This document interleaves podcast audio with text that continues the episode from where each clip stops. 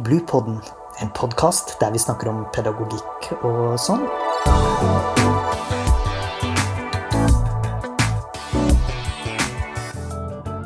Podkasten er laget av barnehagelærerutdanninga ved Høgskolen på Vestlandet. I dagens episode skal vi snakke om flagg som misforstått mangfoldsarbeid. Hvorfor er det sånn at mange barnehager bruker flagg for å vise fram mangfoldet i barnehagen? Og er det egentlig en god idé? Mitt navn er Lene Angelsgaard, og jeg er administrativ koordinator ved Barnkunde senter for barnehageforskning på Høgskolen på Vestlandet. Og med meg i dag har jeg Marion Oen.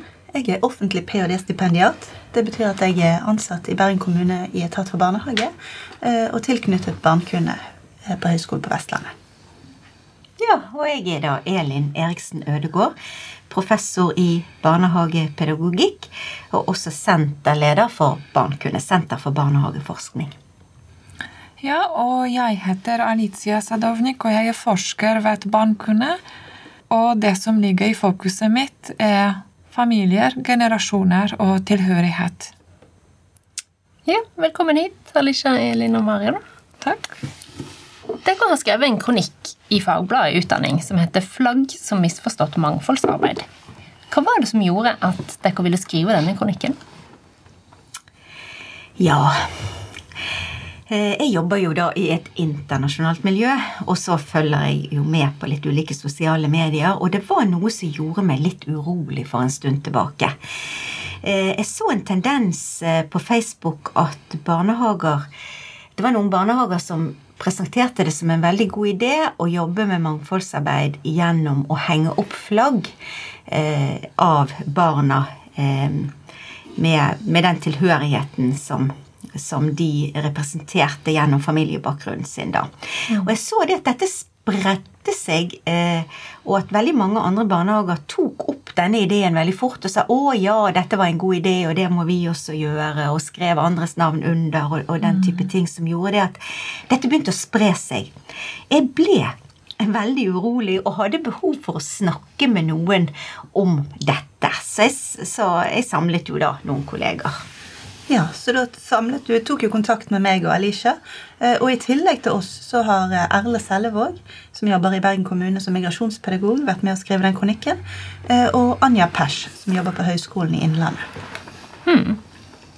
Elin, du sa du ble urolig. Hvordan er det dere tenker at det her med å fremheve flagget i barnehagen kan oppleves for barnet? Altså, ut av vår kontakt med barnehager, barnehagelærere og barnehagelærerstudenter, og ikke minst ut av våre egne erfaringer som foreldre, migrasjonspedagoger og barnehageforskere, kan vi si at barna ikke nødvendigvis kjenner seg igjen i det flagget eller i den nasjonaliteten som vi med beste intensjoner pålegger dem. Hmm. Og I kronikken beskriver vi et eksempel av Anna som ser at hele plassen hennes er markert med polsk og tysk flagg. Og det er noe som hun reagerer på ved å si 'men jeg er jo fra Norge'. Det er mamma og pappa som er fra Polen og Tyskland. Mm. Og Anna sa i tillegg at hun er født på kvinneklinikken, og hun er fra Bergen og sånn. Og det, det er i samsvar med, med, historier som vi hører fra studenter eller fra pedagoger som sier, forteller om barn som sier 'Men du, jeg er fra Somalia'. Eh, det er det dere sier, men jeg har aldri vært der. Mm. Eller du, på det kartet i gangen så henger ansiktet mitt i Iran. Betyr det ikke at jeg ikke er herfra? Så for å oppsummere og svare på spørsmålet ditt, så kan man si at eh, barna ikke nødvendigvis kjenner seg igjen i det pålagte flagget, i den pålagte nasjonaliteten, i det pålagte identiteten som de egentlig er i gang med å utvikle. Og på den andre siden så begynner de å være urolige når det gjelder deres tilhørighet til det fellesskapet vi har her. Mm. Det er interessant. Men hvorfor tror dere at det er så populært med flagg i barnehagen, da? Jo, jeg tror det blir gjort i beste mening. Og, og i rammeplanen så poengterer de jo at, synlig, at du skal synliggjøre og fremheve mangfold og ulikhet som grunnlag for opplevelser, utforsking og læring. Eh, så, sånn at eh, det er jo veldig sterkt føringer på at de skal jobbe med mangfold ute i barnehagen. Eh, samtidig så er flagget noe som man i Norge i hvert fall eh, forbinder med fest. Altså, Når det er noe å juble for, så er det frem med flagget. Om det nå er sykkel-VM eller hva det skulle være, så er det opp med det norske flagget. Eh, bursdager, 17. mai, eh, vi har barnetog der vi går og roper hurra. Og det oppleves samtidig som veldig ufarlig. Um, men, men flagget er jo eh, et sterkt symbol. Eh, og en måte å illustrere det på er at uh, Sjøl pleier jeg ofte å henge opp et flagg ute på balkongen. Vi har sånn balkongflagg eh, når, når, noen har bursdag hjemme. Eh, som markerer veldig tydelig at her er det fest, nå er det noe kjekt som skjer. Eh, men i Bergen der har det jo en tendens til å regne, så dette flagget det, det blir jo vått da. Ganske ofte. Så når vi da skal ta det inn om kvelden, så må vi tørke det før vi skal ta det vekk i boden. Um, og da har vi pleid å legge bare den stangen oppå gardinstangen. Uh, sånn at flagget henger da på veggen. Og da er det veldig merkelig, for da får jeg plutselig noen helt andre assosiasjoner. Mm. Så når du har hengt et stort flagg på veggen, så får du nesten noen nynazistiske assosiasjoner. Wow. Um, og det er jo klart at det er noe helt annet enn det vi hadde tenkt. Vi ville ha fest med balkongflagg. Sånn at det sier noe om hvor forskjellig dette symbolet tolkes når det henger ute, og når det henger inne på veggen. Mm, det er sant. Det du sier nå, er jo at flagg de er ikke bare fest og moro, de er jo politiske. Ja, og det sier jo noe om hvor forskjellig det er når et flagg henger ute på balkongen, og hvordan det blir når du henger det opp på veggen. Ja, det er, eh, de har tung symbolverdi. Eh, bare se nå hvordan flaggene fra Ukraina og Russland har endret betydning nå i det siste. Mm -hmm. og, eh, og, så er det jo den historien som vi også skriver om i, i kronikken vår, da. Eh, eh den episoden som skjedde i Praha i 2018 eh, under verdenskongressen for OMEP. Eh, Organisasjonen for barns oppvekst, utdanning og danning. Eh, der under åpningsseremonien på den konferansen så hadde, hadde, organisasjonskomiteen engasjert en barnehage som hadde da laget et flagg for hvert av de landene som var representert i barnehagen. Og de kom da marsjerende inn på scenen og skulle til å synge. Så merker alle vi som sitter i salen, at det blir en voldsom uro i salen. Og vi forstår snart det at det som skjer, det er det at det er noen som har blitt grovt fornærmet. Det kommer en kinesisk delegat opp på scenen og avbryter barna, tar mikrofonen og sier det at organisasjonskomiteen må vite at Taiwan ikke er et eget land, og de kan heller da ikke være representert på denne konferansen med et eget flagg. Og at, uh, at organisasjonen eller at eh, arrangementskomiteen da har eh, fornærmet Kina og må be om beklagelse. Og hvis ikke de får beklagelse, så vil 70 delegater fra Kina marsjere ut av lokalet og ut av konferansen. Og den episoden der Vi ble jo alle veldig sjokkert eh, eh mm. over den episoden. Men jeg tenkte det at det kan illustrere dette her med alvoret som ligger i eh, flagget som et nasjonalsymbol, og hvordan ulike land kan på en måte ha ulikt forhold til, til flagget. Og det var kanskje denne episoden også så, som satt så dypt i meg eh, den gangen når jeg så denne eh, dette oppslaget på Facebook mm. eh, nå nylig, da. Eh, at at det fortalte meg at, at eh, slik som du også, eh, Marion, sa, da, at, at, i Norge så kan vi kanskje ha dette uskyldige eh, blikket, romantiske blikket på, på, flagget, men at det da er tung eh, symbolpolitikk og svært politisk. Mm, absolutt. Mm. Men Marian, du nevnte jo det her med at barnehagen har som en del av rammeplanen at de skal framheve mangfold. Hvordan tenker du vi kan gjøre det på en bedre måte? Ja, Det finnes jo mange måter å jobbe med mangfold på. Um, og Et eksempel jeg kan komme med, er jo hentet fra Bergens språkstimuleringsprogram, som er et hefte som vi har utarbeidet i Bergen kommune. Der uh, skriver vi om musen Basse. Og det er jo egentlig bare en bamse. Det kan være en hvilken som helst bamse. Og eh, Poenget er det at det er, denne bamsen blir satt i fokus. Sånn at eh, da musen Basse, eller hva man har lyst til å kalle den bamsen for, eh, kan f.eks. motta brev fra forskjellige steder i landet, eller han kan fortelle om reiser han har vært på. Mm. Eh, sånn at, at, det er bamsen som er i sentrum. Eh, og det fører til at eh, vi kan snakke om mange forskjellige steder. Mm. Ja man kan få input inn i diskusjonen i barnehagen uten at eh, enkeltbarn trenger å være representanter. Mm. For det er tross alt bamsen som får brevene. Ja. Og, eh, og, da kan også barna velge om de har lyst til å være involvert. Noen barn syns det er kjempegøy og har jo kjempelyst å fortelle om et sted de har vært, eller besteforeldre, eller hva som helst. Og det er jo kjempefint. Og da kan de få lov til det. Mens de barna som syns at dette var litt merkelig, dette eh, det syns jeg er helt greit å bare høre på, så kan de mm. gjøre det. Så da lager vi rom for barna. Mm. Mm. Ja, og en annen mulighet er å ta utgangspunkt i språket. Altså det å kunne et språk, det å, å kunne en spesiell kode som ingen andre kan. Samtidig så kan det ses som bidrag til fellesskapet, og det kan være stas for barna å ha oversikt over hvor mange språk vi kan snakke sammen. Er det ti mm. språk vi alle mm. sammen kan? Og hvem av oss, hvem av oss eventuelt kan oversette for bamsen når den er på reiser? Ja, Så da blir det en kompetanse mm -hmm. eh, som er i fokus, mer enn en, en, ting man er.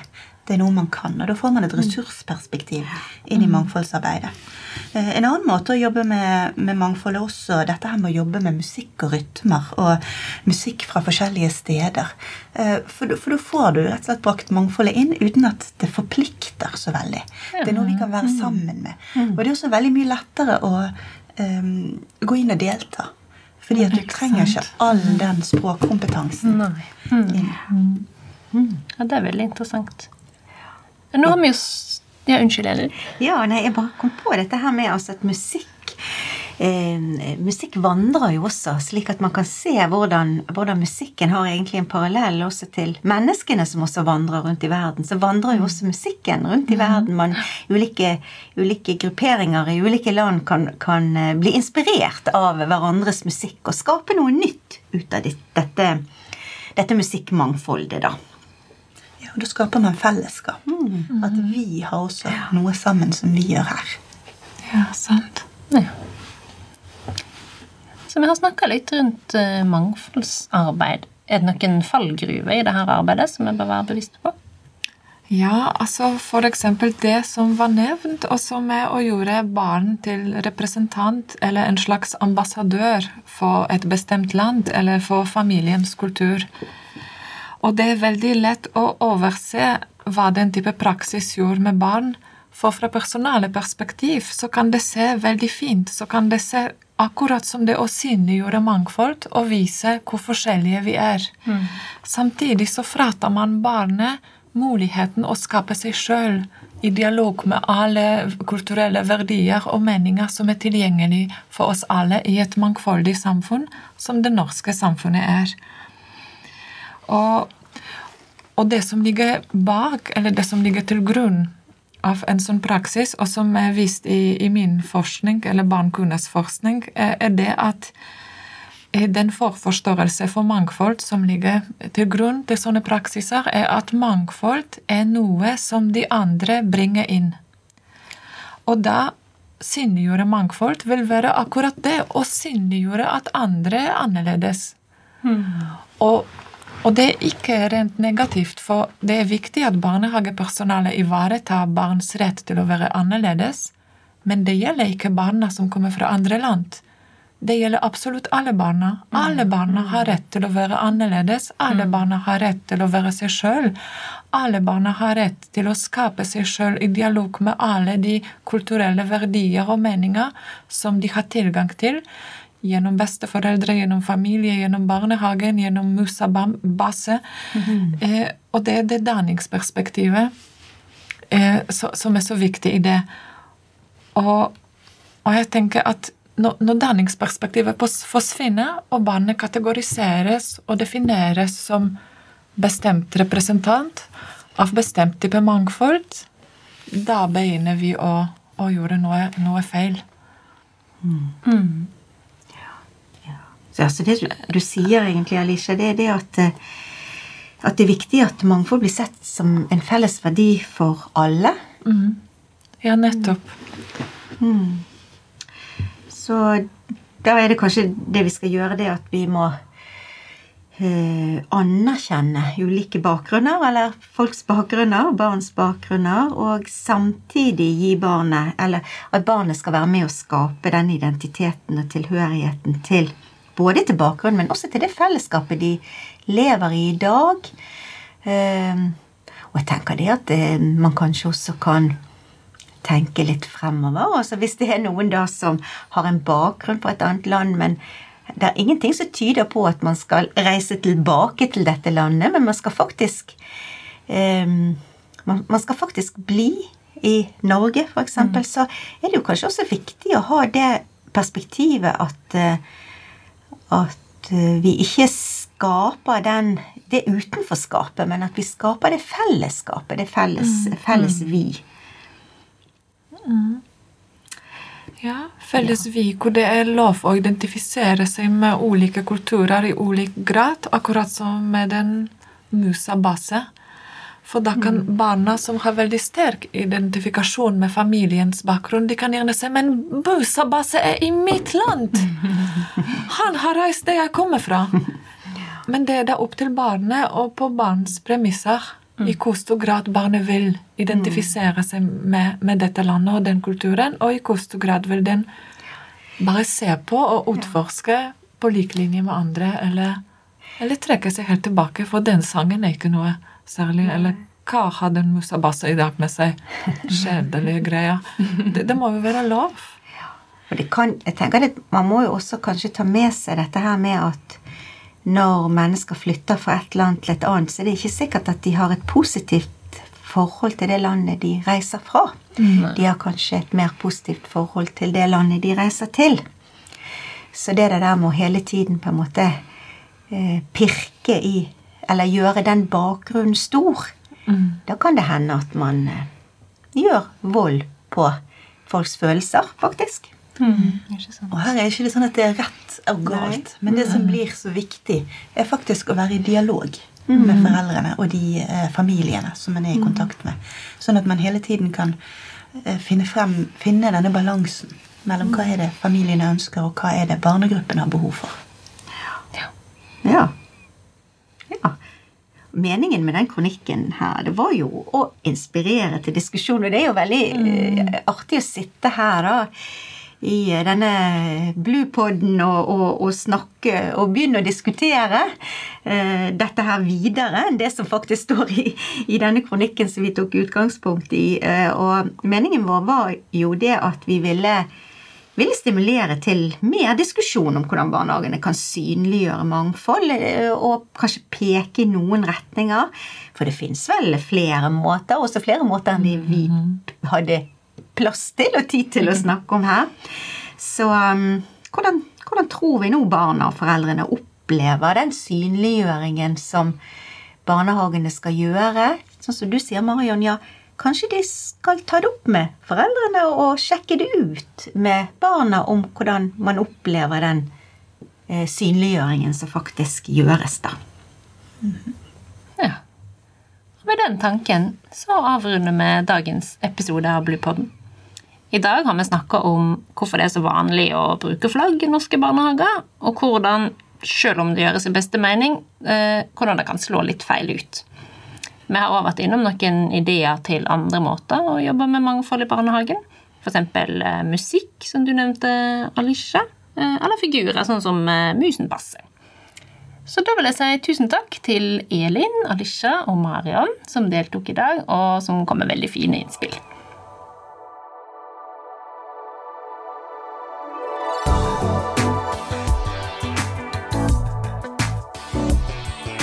Podkasten er laget av barnehagelærerutdanninga ved Høgskolen på Vestlandet.